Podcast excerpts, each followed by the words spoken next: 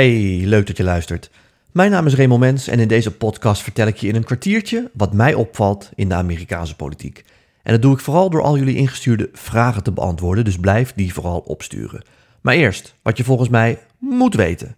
En dat is dat Joe Biden zelden met meel in de mond praat.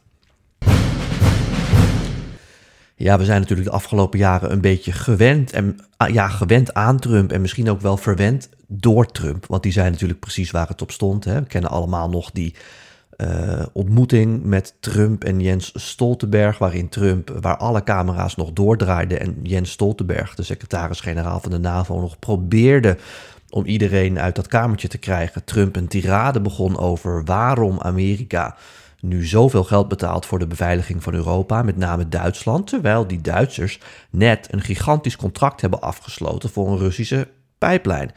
En hij zei, ja, dat vind ik niet eerlijk. En Stoltenberg zei van, ja, nou ja, moet je luisteren. Uh, uh, er zijn natuurlijk altijd meningsverschillen, maar de kracht van de NAVO is nu juist dat we met z'n allen eruit proberen te komen en wel gezamenlijk aan het einde van de streep er voor elkaar zijn. En toen zei Trump, en wat ik trouwens ook niet eerlijk vind, en toen begonnen er heel veel andere uh, zorgen van Trump nog over de NAVO-contributie op tafel. En dat tekende natuurlijk ook Trump. Uh, en eigenlijk is Biden wat dat betreft niet zo heel veel anders. Natuurlijk is Biden wat meer een klassieke politicus. Uh, en je zou het misschien nu niet 1, 2, 3 zeggen, omdat hij ook wat ouder is. Maar zeker de wat jongere Biden. Ja, die stond erom bekend dat hij altijd zei waar het op stond. Dat hij uh, een soort verbale incontinentie had. en heel veel uitspraken deed, waardoor hij ook in de problemen kwam. Maar wel allemaal uitspraken waarvan hij zelf ook zei. Ja, was niet handig om te zeggen, maar ik meende het wel. Hè? Dus anders dan Trump bood Biden er wel zijn excuses voor aan en zei hij ook van, dat moet ik niet zeggen, maar ik vertelde wel de waarheid. En dat zag je eigenlijk um, de afgelopen dagen ook gebeuren met die opmerking van Biden over Poetin. Namelijk toen een journalist hem in het Witte Huis vroeg: Vindt u Poetin een oorlogsmisdadiger? Toen zei hij nee, maar even later liep hij toch weer terug. toen zei hij: Wat was uw vraag ook alweer? Toen zei ze: Vindt u hem een oorlogsmisdadiger? Toen zei hij: Ja, dat vind ik. Daar heeft hij in Amerika veel kritiek op gekregen. Uh, niet zozeer omdat mensen het er niet mee eens zijn, van links tot rechts uh, vinden Amerikaanse politici dat ook wel. Maar wordt er gezegd, het is wel zo, maar dat moet je niet zeggen. Omdat we ook nog een internationaal uh, gerechtshof hebben. Hè. Dat staat in Den Haag en daar is onder andere ook Milosevic ooit berecht. En als je dus als leider van het machtigste land op aarde zegt, hij is een oorlogsmisdadiger, hij is Poetin natuurlijk ja, dat betekent ook dat er heel veel um, juridische gevolgen aan zitten. Uh, en, en, en met andere woorden, je kunt het wel vinden, maar je moet het niet zeggen. En Biden, uh, dat zijpelt ook wel een beetje door als je wat mensen in het Witte Huis spreekt. Die dacht bij zichzelf, ja moet je luisteren, ik vind dit. We kijken allemaal televisie, we zien het allemaal. Uh, iedereen in Amerika vindt dit dan zeg ik het ook gewoon. Uh, uh, maakt niet uit wat de consequenties eh, zijn. En dat tekent Biden ook wel. zo is hij eigenlijk altijd al geweest. nogmaals, het was een beetje een flap uit. Maar het is wel iemand die altijd zegt waar het op staat. En zeker wat ik net zeg, de wat jongere Biden. Ehm, die, die, die, die heeft talloze momenten. Ga het maar eens op YouTube zoeken. Dan vind je uren vol aan materiaal van, uh, nou ja, soms uitspraken die niet even handig waren, maar wel uitspraken waarin hij altijd zei waar het op stond. En vroeger was dat vooral ook heel charmant. toen was hij natuurlijk nog wat jonger en toen kwam dat gewoon fit en vlot over. Terwijl nu is hij wat ouder. Je merkt dat hij ook weer wat vaker begint te hakkelen. Hij heeft vroeger een stotterprobleem gehad. Daar heeft hij eigenlijk jarenlang vrijwel tot geen last van gehad. Ja, nu die wat ouder is, dan komt dat toch weer uh, terug. Hij oogt natuurlijk überhaupt een beetje broos. Dus nu uh, komen dan die verhalen van is hij dement en heeft hij alles nog wel op een rijtje en oh, hij komt zo zwak over. Terwijl vroeger werd het juist gezien als, nou wat ik zeg, fit en vlot en waardeerden mensen dat wel. En ja, er zijn talloze uh, voorbeelden van. Bekend voorbeeld is een debat tussen hem en Paul Ryan. Uh, toen was hij nog vicepresidentskandidaat van Obama. En Paul Ryan was in 2012 de vicepresidentskandidaat voor Mitt Romney, de Republikeinse presidentskandidaat. En die hadden met z'n tweeën een debat. en, en nou ja, Mitt Romney had net een uitspraak gedaan over het feit dat ongeveer de helft van de Amerikanen takers zijn. Met andere woorden, die betalen geen belasting, maar die krijgen allerlei belastingvoordeeltjes en dragen eigenlijk financieel niks bij. Nou, Biden zei daar natuurlijk van, van ja, dus je zegt eigenlijk dat die mensen maar een beetje doorhoud zijn, doorhoud zijn, hè?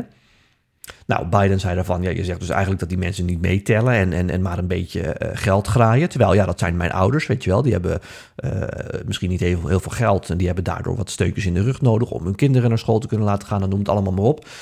En Paul Ryan zei ook van, ja, dat heeft Romney toen wel gezegd, maar dat bedoelde hij uh, echt niet zo. het was gewoon een foutje en Joe Biden weet als geen ander hoe het is om iets te zeggen wat achteraf misschien niet handig is om te zeggen en wat, dan, wat je dan weer terugneemt. En Biden zei dat klopt, maar het verschil met mij en Romney is wel dat ik altijd blijf staan bij wat ik zeg. Dus als ik iets zeg wat uh, misschien niet helemaal uh, handig is om te zeggen, dan is het nog wel steeds de waarheid. En sta ik er nog wel steeds achter. Dus dat geldt voor Romney ook. Hij meent dit gewoon. Uh, we hebben het recent nog gezien, hè, toen er een journalist uh, een, een, een, vraag stelde aan Biden over de inflatie. En zei, joh, is dit een probleem met de congresverkiezingen die eraan komen in november? En toen stond de microfoon van Joe Biden nog open. En toen zei hij, oh, wat een domme vraag, wat een klootzak, hè? what a son of a bitch. En ja, dat uh, fragment is ook viral uh, gegaan, werd ook nog uh, in Nederland veel besproken. En veel mensen zagen dat als iets negatiefs. Maar dat is in de ogen van veel kiezers iets positiefs, namelijk Joe Biden, die gewoon zegt waar het op staat. Het is een domme vraag. die journalist vindt Biden ook een klootzak en dus zegt hij dat. En kiezers waarderen dat. Dus ja, uh, Joe Biden die oogt misschien een beetje broos nu. En daardoor worden dat soort uitspraken en fouten die hij maakt. Uh, ook door mij overigens hoor. Vaak ook in dat kader een beetje belicht van, nou ja, hoe fit is hij nog? Ehm, maar uh, als je die uitspraak van hem zag over Poetin en het feit dat Poetin een oorlogsmisdadiger is, dan denk ik toch vooral dat dat de klassieke Joe Biden is die we vroeger heel vaak zagen en die ik hoop ook weer vaker te zien. Namelijk de Joe Biden die à la Trump gewoon zegt waar het op staat. En Biden is dan wel wat meer, wat ik zeg, de klassieke politicus. Maar uh, anders dan Obama of, of, of Hillary Clinton of, of, George W. Bush, hè, uh, recente Amerikaanse politici uh, is Biden wel echt een politicus die uh, erom bekend stond altijd te zeggen waar het op staat. En ik denk dat uh, ook zo'n uitspraak, over Poetin, dat hij een oorlogsmisdadiger is, dat kiezers dat waarderen. En nogmaals, dat Biden daar meer van moet laten zien. Maar dat hij dat dus ook al zijn hele carrière heeft gedaan. Dus Biden praat echt zelden met mail in de mond. Heeft dat ook zelden in zijn carrière gedaan. Nogmaals, moet hij vaker laten zien. maar het is geen slip of de tong. Dit is eigenlijk gewoon wie Biden is. En ik denk dus ook dat veel kiezers het waarderen als hij dit wat vaker weer zou doen. Goed, tot zover mijn kijk op de actualiteit. Nu naar de vragen die jullie instuurden via onder andere Twitter en Instagram. Um, drie vragen vandaag. De eerste is van Francis. Uh, heeft Trump een reële kans om in 2024 de verkiezingen te winnen? Nou, daar hebben we het al regelmatig over gehad. Het antwoord daarop is ja. Uh, en ze vraagt ook nog, wat zou dat betekenen voor Oekraïne? Ja, dat hangt er natuurlijk vanaf hoe dat conflict zich de komende jaren gaat uh, uh, ontwikkelen. Je ziet dat nu ook uh, in Brussel. we hebben vandaag een NAVO-top gehad, een G7-top en ook een top van de Europese Commissie waar Biden ook bij is. Pittig schemaatje overigens voor een 79-jarige. Drie toppen op één dag. Ik zou het zelf al lastig trekken. en daar probeert Biden die eenheid natuurlijk van de NAVO en van alle andere westerse partners ehm, niet een eenheid uh, te houden die tijdelijk een eenheid is, maar die ook op de lange termijn een eenheid is. Dus hij probeert die eenheid in stand te houden, omdat de Amerikanen denken dat dit conflict zo nog maar eens maanden, dan wel niet jaren kan duren. Nou, als we dan jaren verder zijn, ja, wat zou dat dan betekenen voor Oekraïne? Ja, dat hangt er natuurlijk vanaf als Trump zou winnen, hoe die situatie er dan bij hangt. Ik heb in een vorige podcast al gezegd dat Trump natuurlijk heeft gezegd dat dit onder zijn bewind nooit gebeurd was. Dat kan kloppen. Uh, uh, Trump heeft uh, tegen Poetin, schijnt tegen Poetin gezegd te hebben: als jij iets doet in Oost-Europa, iets uitspookt wat ik niet oké vind, dan bombardeer ik Moskou. Nou, dat klinkt als iets wat Trump zegt. Klinkt niet 1, 2, 3 als iets wat Trump doet, maar wel als iets wat Trump zegt. En dat kan bij de Russen, dat had je ook met de Chinezen, wel eens het idee opbrengen van ja, Trump toch onvoorspelbaar, laten we ons maar even koest houden. Tegelijkertijd, uh, zoals ik ook in de vorige podcast heb gezegd, is Trump natuurlijk degene geweest die uh, Zelensky, de Oekraïense president, heeft geprobeerd af te persen. Het congres had al militaire steun toegezegd. Uh, dat was ook al onderweg naar Oekraïne. Alleen zei Trump: Ik wil nog even dat jij wat voor mij doet. En hij wilde dat Zelensky wat meer informatie over de zoon van, Hunter, de zoon van Joe Biden, Hunter Biden, die in Oekraïne actief was, uh, naar boven zou halen. En eigenlijk wilde Trump bewijs hebben, tussen aanhalingstekens, dat daar uh, uh, sprake was van corruptie en dat die baan van die zoon van Joe Biden niet helemaal correct was en dat het allemaal met duister geld ging, enzovoort, enzovoort. Met andere woorden, we weten niet wat het voor Oekraïne betekent als Trump president wordt. Trump prijst nu Zelensky als een held. Dus dat ziet er goed uit voor uh, Zelensky wat dat betreft. Maar ja, daarvoor is het conflict gewoon nog veel te fluide. En draait Trump ook te veel wat betreft Oekraïne. Dus we moeten dan even kijken hoe de vlag erbij hangt. En dan ook kijken hoe Trump daar tegenaan kijkt. Um, dan een vraag van Rick. Hoe kijken de Amerikanen nu naar het optreden van Biden omtrent Oekraïne? Nou, eh, goed. Uh, Biden krijgt daar lof uh, over. Ik moet zeggen dat het niet heel veel doet met de algemene waardering voor Biden. Gisteren weer een peiling dat zo'n 4 op de 10 Amerikanen tevreden is met hoe hij het doet. Nou, dat betekent dus dat 6 op de 10 Amerikanen dat niet zijn.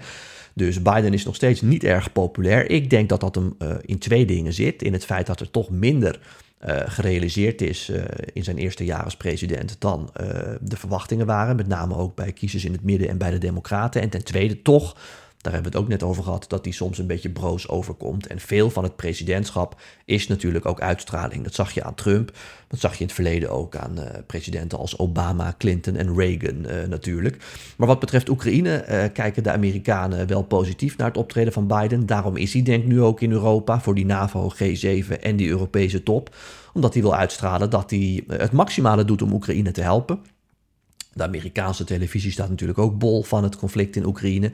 En uh, recent ook nog een peiling waaruit blijkt dat Amerikanen, hè, over peilingen gesproken, dat Amerikanen Oekraïne, um, dat ze daar net zo positief tegen aankijken als tegen landen als Frankrijk en Duitsland uh, tegenwoordig. Dus uh, je ziet dat veel Amerikaanse kiezers lof en waardering hebben voor Zelensky, voor hoe Oekraïne stand houdt tegen Rusland. En eigenlijk willen de Amerikanen dat Biden meer doet. En dat is ook de reden waarom Biden, daar zal het vandaag ongetwijfeld ook over gaan, meer stappen nog wil nemen tegen Rusland. Biden zei dat hij natuurlijk al meteen Rusland uit het SWIFT-systeem wilde gooien.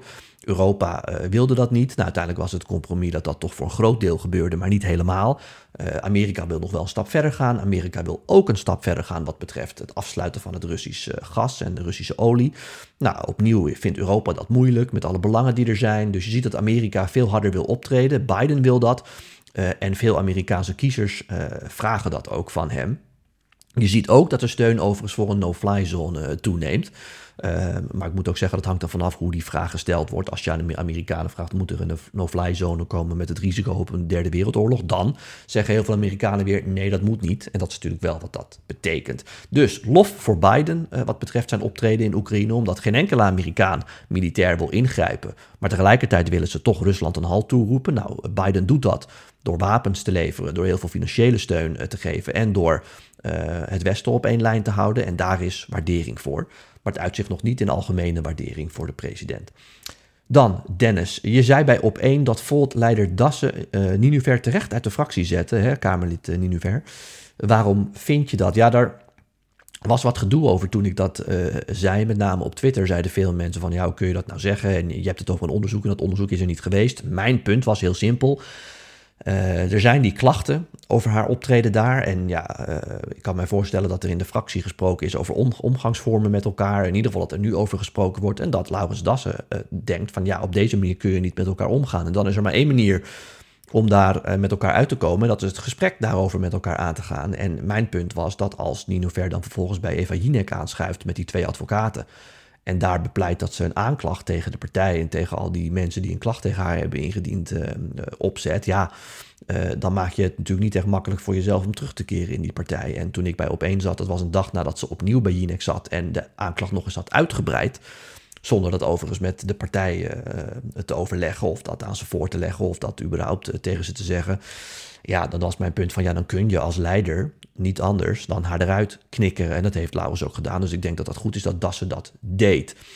Goed, tot zover. Het kwartiertje zit er alweer op. Dank weer voor jullie vragen. Blijf die ook vooral sturen, hè, want uh, uh, dat kan via Twitter, Instagram en LinkedIn onder andere. En dan beantwoord ik ze weer in de volgende podcast. Dus nogmaals, heb je een vraag, stuur die dan op. En dan zie ik jullie weer volgende week.